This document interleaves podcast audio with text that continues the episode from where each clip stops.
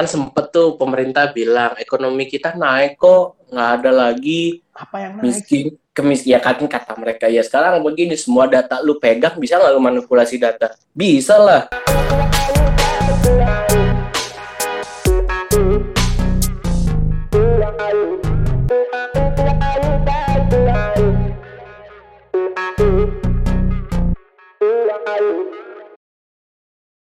Selamat datang di podcast akhir pekan dan pekan ini nggak tahu pekan keberapa. Yang pasti ini pertengahan bulan Mei dan bulan puasa. Banyak hal yang memang terjadi di Indonesia, termasuk banyaknya orang-orang yang kena PHK. Kalau ngomongin PHK ini banyak banget lah. Kira-kira ada berapa ribu lah terkait PHK ini. kalau nggak salah sih di Jakarta sendiri 3000 Ah, ah. ya tapi kalau lu tanya se Indonesia itu bulan kemarin ya seinget gua itu bulan kemarin bulan kemarin awal-awal kalau nggak salah atau pas lagi booming boomingnya itu sebelum ojek online berhenti ini nih berhenti muter kan Berhenti sekarang kan muter ojek atau beroperasi nih? Kalau muter muter-muter doang dong. Anjing. ya beroperasi lah gitu loh ojek Nah. online yang motor ya ojek online yang Yang- motor Yang katanya nggak bisa bawa penumpang kan, bisanya bawa barang. Nah, itu sebelum tuh. Nah, gua nggak tahu nih kalau udah sesudah begini berarti kira-kira ya mungkin udah naik mungkin bisa sampai angka 10 kali lipat atau bahkan 100 kali lipat tuh kalau kita bicara se Indonesia ya. Banyak ya ini.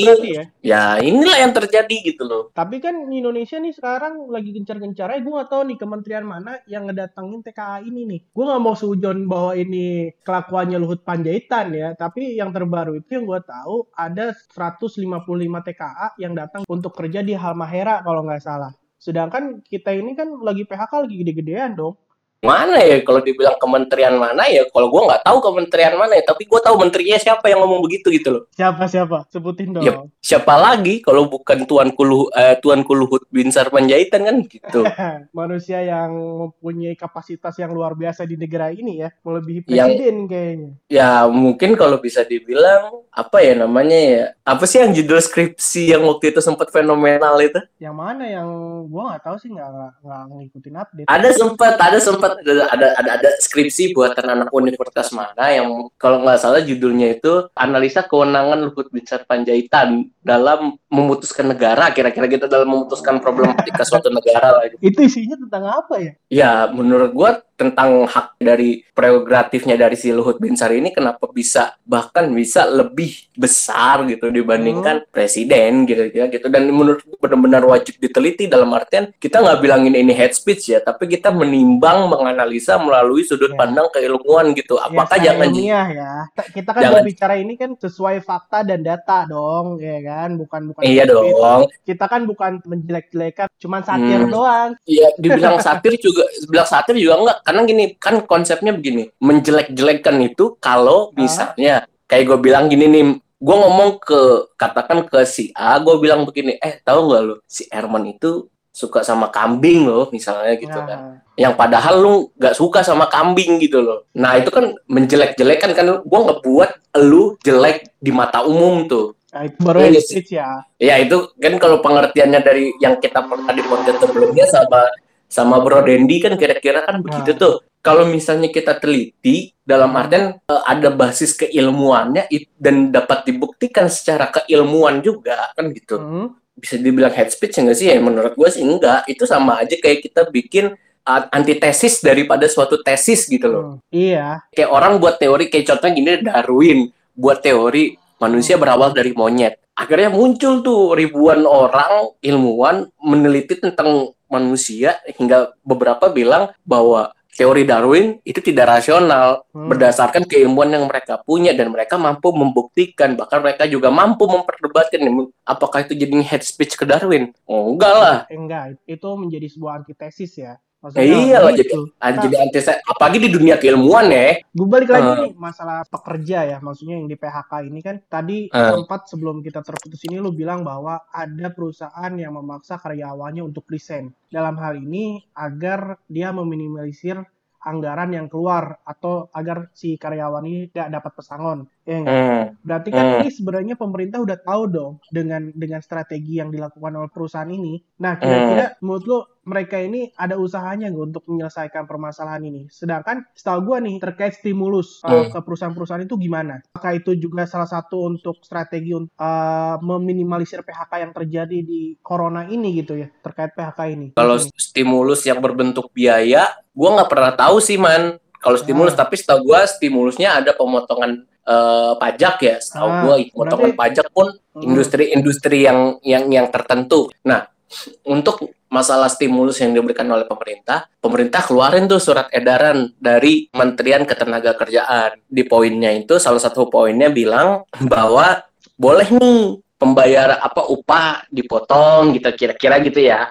Bahasanya garis besarnya intinya nih, lu boleh bayar upah nggak full Hmm. gitu kan.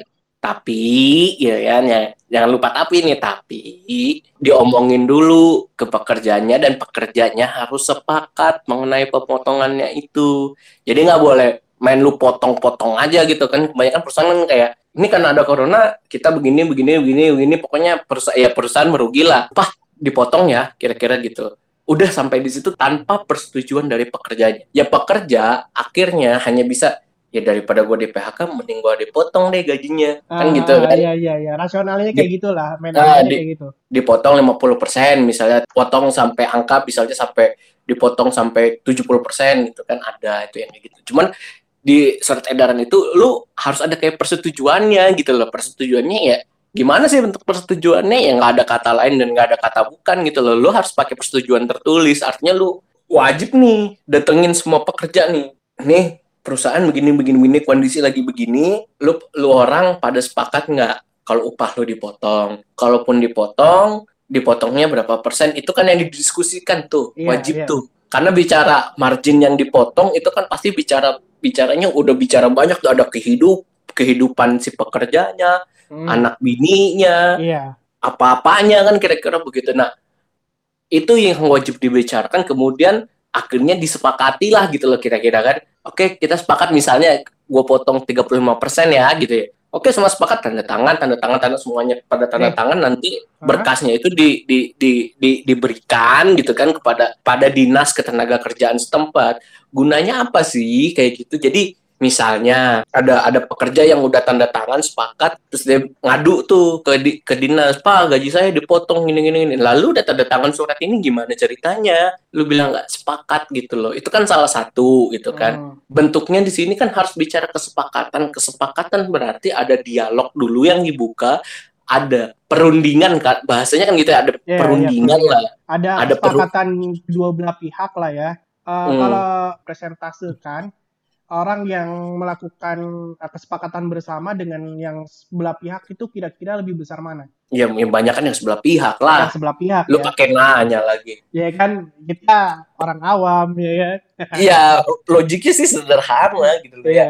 Pertama, ya pengusaha juga ya apa ya kalau bisa dibilang ya mereka punya kuasa dalam hal itu ya.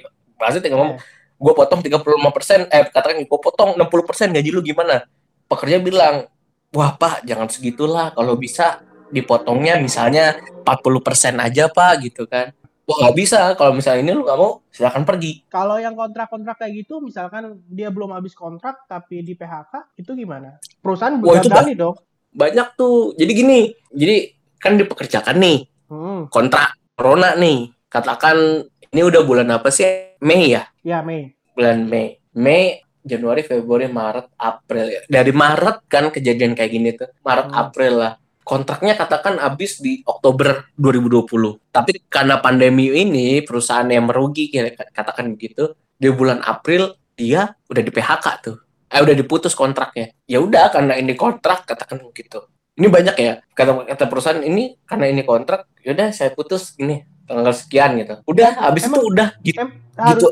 Emang boleh ya ketika kontrak, ketika kontrak itu diputus secara sepihak itu boleh ya? Dari perusahaan ya, setahu gua kalau kontrak itu harus ada ketika misalkan nih gue dikontrak sama satu perusahaan terus gue dipecat nih sebelum kontrak gue habis. Berarti gue harus ada eh, ganti rugi lah. Harusnya kan kayak Ini gitu kan? kita kita harus tahu dulu kira-kira kan gitu. Apa sih yang maksud dengan pekerja kontrak gitu kan? Nah, Pekerja kontrak itu kan istilah dari sebenarnya nggak ada tuh pekerja kontrak adanya pekerja waktu tertentu sama pekerja waktu tidak tertentu tuh. Atau kalau bahasa hukumnya tuh pekerja yang dikontrak melalui perjanjian kerja waktu tertentu heeh. atau pekerja yang dikontrak melalui perjanjian kerja waktu tidak tertentu atau PKWTT bahasanya. Nah, kita kita definisikan dulu. Oh, kalau yang PKWTT kayak pegawai tetap dibilangnya bahasanya yang sekarang. Tapi kalau pekerja kontrak itu biasanya lebih identik dengan waktu tertentu tuh. oh dengan waktu tertentu itu gitu di di Ah, jadi yang kayak gue bilang tuh tadi, Hmm. kalau misalnya ternyata ada pekerja kontraknya habis Hmm. pada tanggal yang ditentukan, maka itu kan waktunya tertentu tuh. Bener gak? Kalau pegawai tetap biasanya itu nggak ada tulisan dalam misalnya perjanjian kerja ini berakhir pada tanggal sekian bulan sekian Hmm. enggak, tapi perjanjian kerja ini berakhir apabila gitu kan, Hmm. apabila salah satu pihak menyatakan resign apa mem-PHK, resign segala macam. Nah, balik lagi ya. Kalau misalnya dia dari base-nya, pekerja ini base-nya PKWTT, tentu ketika di PHK dalam artian di PHK sama perusahaan, dia wajib kasih pesangon, kan gitu. Memang tidak bisa juga merta-merta untuk mem-PHK-nya gitu loh. Tapi kalau PKWT yang kontrak gitu ya, yang ada waktu tertentunya, bisa nggak dipotong merta-merta oleh perusahaan atau dari pekerja sendiri? Bisa, sangat bisa. Cuman di situ ada denda tuh ada penalti. Nah, penaltinya ini dasarnya dari mana ya? Dari undang-undang. Kalau di perjanjiannya biasanya di perjanjian kontraknya itu biasa terus gini. Apabila perusahaan memutus hubungan kerja gitu kan, sebelum waktu berakhirnya waktu berakhirnya perjanjian kerja ini, maka perusahaan tidak di- dapat dikenakan hukuman gitu kan. Iya. Begitu pula eh, si pekerjanya kalau misalnya ini nggak bisa dapat hukuman, nggak bisa itu tetap dapat hukuman gitu loh. Si Oh. pengusaha wajib bayar denda. Dendanya tuh apa? Dendanya misalnya tadi gue bilang mestinya berakhir Oktober Hmm. perjanjiannya di PHK-nya di bulan April. Ada berapa bulan tuh menuju Oktober? April, April, Mei, Mei, Juni. Juni, Juli. Juli, Agustus, September, Oktober, tujuh bulan Ya. katakan gitu kan. Maka perusahaan wajib membayar tujuh bulan sisa kontraknya. Proses seperti itu tuh dilaksanakan oleh perusahaan atau enggak? Atau justru menghindari itu dengan cara atau strateginya? Jawabannya dua-duanya. Dua-duanya tuh gimana? Jadi pertama perusahaan ngejalanin nggak? Enggak. Enggak. Terus? Terus yang kedua ada trik-triknya. Ada. Triknya biasanya apa? Dimi, dipaksa resign. dipaksa resign. Berarti Nah, ini, ini kan kita nggak tahu nih ada pendengar yang memang belum bekerja akan bekerja dan melakukan kontrak ya. Ini kan kita harus kasih tahu ke mereka juga. Ketika misalkan itu tidak dipenuhi eh, penalti itu ya bahasa penalti Hmm. itu berarti dia harus dilaporkan ke dinas tenaga kerja dong. Iya. bisa bisa melalui proses-proses yang di Undang-Undang 2 2004 yaitu tentang penyelesaian perselisihan hubungan industrial tuh ada caranya di situ diatur. Ya lu Ah. harus jalanin cara-cara itu. Ya, tadi kan kita berbicara tentang PHK nih lah ya. Kita berbicara PHK yang Mhm. semakin besar dan strategi perusahaan untuk mem-PHK si karyawan agar tidak terjadi penalti dan segala macam gitu kan. Agar tidak Hmm. merugi lah ya. Nah, sekarang kan Hmm. kita dihadapkan juga yang tadi gua bilang di awal bahwa dengan adanya TKA-TKA yang masuk ke Indonesia, khususnya TKA Cina dengan alasan mungkin TKA Cina lebih murah dibandingkan Indonesia. Tuh. Alasannya seperti itu terus, ya kan? Dari nenek moyang kita masih pakai sepeda sampai nenek moyang kita pakai mobil balap, ya kayak gitu terus, ya kan? Eh, Permasalahannya ah. karena ya Cina murah dan segala macam. Sebenarnya yang dari segi hukum nih ada aturan nggak terkait TKA ini? Karena gua Ada. lihat itu makin banyak loh, makin ke sini tuh bahkan si pemerintah itu cuek. kalau gue bilang sih bukan cuma cuek pemerintah, tapi mereka malah mengundang, mereka yang mengundang malah kan Nah, itu. lebih lucu lagi. Jadi gini bro, terkait peraturan TKA ada aturannya.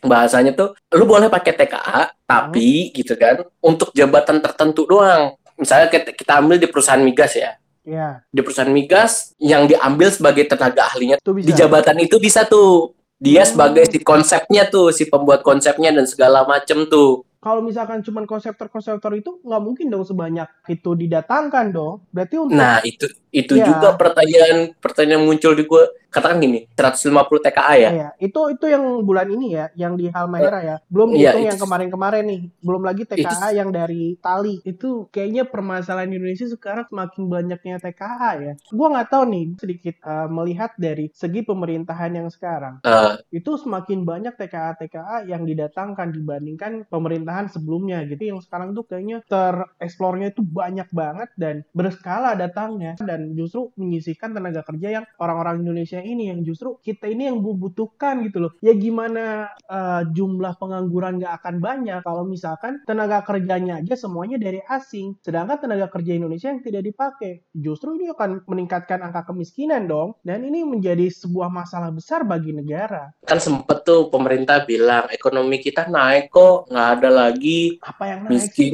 kemis ya kan kata mereka ya sekarang begini semua data lu pegang bisa nggak lu manipulasi data? Bisa lah. Bisa. orang anak anak kecil aja tahu gimana cara manipulasi data manipulasi nilai rapot dari nilai ulangan dari gurunya gitu kan ya sama pemerintah kita kan juga gitu loh. Bilang ini ekonomi naik segala macam ya lu bisa aja manipulasi data data ada lu yang pegang gimana ceritanya? Kalau lu bilang ini kita nggak ada nggak ada angka kemiskinan mata lu lu lihat aja sekeliling lu sendiri. Buta apa gimana sih? Yang lucu itu terkadang angka kemiskinan itu dilihat dari rate-nya yang semakin direndahkan. Misalkan gini ya, orang yang dianggap miskin itu yang tadinya pendapatannya 50.000 ribu ke bawah. Nah, Eh, angka pendapatan itu itu diturunkan yang namanya miskin ketika dia cuma sehari dapat 10.000 ribu. Ya iyalah, angka kemiskinan turun. Itu kan salah satu manipulasi kan. itulah yang makanya gue bilang yang megang data punya kuasa atas data Emang- tersebut Emang sialan gitu. angka Iya, kemiskinan belum- turunnya belum lagi belum lagi terkadang gue suka berpikir begini rasionalisasi datangnya TKA datang ke kita itu dibilang kita kekurangan tenaga ahli kayaknya gue sering ketemu orang yang pinter-pinter banget kok di Indonesia gitu loh banyak, Banyak orang kok, pinter banyak. kok yang ahli dalam bidang-bidang tertentu